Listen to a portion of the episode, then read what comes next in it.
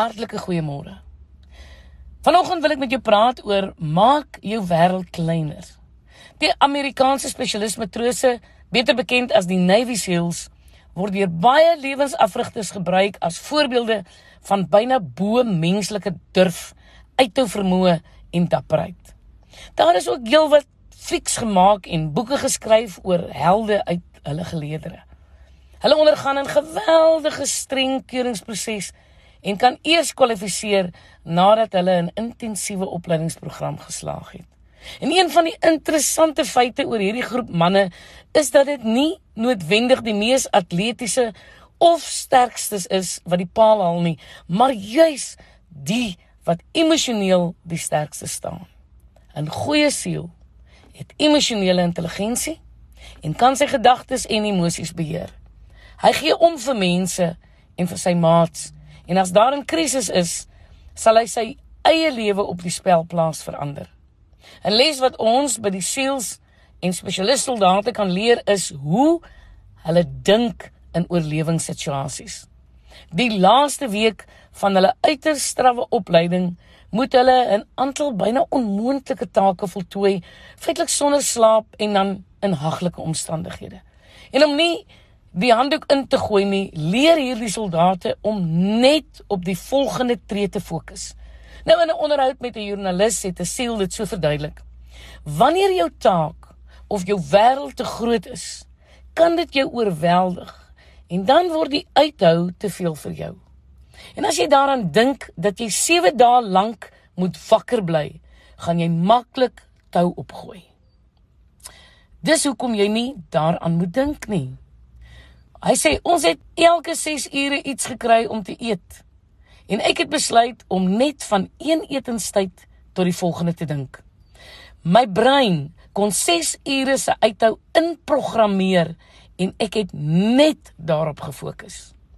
Dis 'n beginsel wat ek ook op groot take en uitdagings toepas om net aan die volgende tree te dink en dan aan die een na hom en die een na hom. Solank ek my wêreld klein hou, is my kop gelukkig en dus ook enige berg klim. Nou ja, ek self moes onlangs stoei met 'n siekte wat ernstig kon word. Toe ek net gediagnoseer is, wou wou die implikasies van my werk wat sou stil staan en dinge wat kon erger word my potjie. Maar met die hulp van die Here, met die Here se beloftes, kon ek my gedagtes beheer. Ek het besef dat ek al die regte dinge moes doen, soos rus en doen wat die dokter sê. Maar ek het doelbewus my gedagtes en die emosies rondom die gedagtes in toom gehou. Ek het my wêreld klein gemaak en net gefokus op gesond word en op die dinge wat binne my beheer was. Dit was vir my geweldig bevrydend toe ek besef dat ek dit waarin ek glo en wat ek altyd loop en verkondig ook kon doen. Ek het dit sien werk in my eie lewe.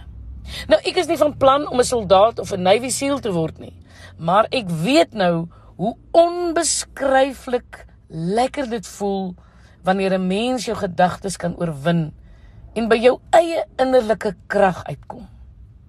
Kyk, Spreuke 23 vers 7 sê: Want soos hy in sy siel bereken, so is hy. Jou lewe sal altyd beweeg in die rigting van jou sterkste gedagtes. As jy dink ek sal waarskynlik nie dan sal jy waarskynlik nie. As jy dink jy het niks om te offer nie, sal jy waarskynlik nie 'n verskil maak nie. As jy glo jy is 'n slagoffer, dan sal jy 'n slagoffer word. Jou gedagtes bepaal jou hele lewe. Aan die ander kant, as jy dink dat jy kan, dan sal jy waarskynlik dit doen. As jy dink God is vir jou en by jou, weet jy wat? Dan sal jy sy krag ervaar in jou eie lewe. Maak jou wêreld klein man en fokus net op dit waarop jy nou moet fokus. En moenie bekommerd wees oor môre en oor oormôre en wat jy sal eet en wat jy sal drink en wat jy sal aantrek nie, want God is immers die God van die oomblik van nou, maar ook van môre. Vertrou jy net God vir nou. Ek is Lenet Beer vir Radio Kansel.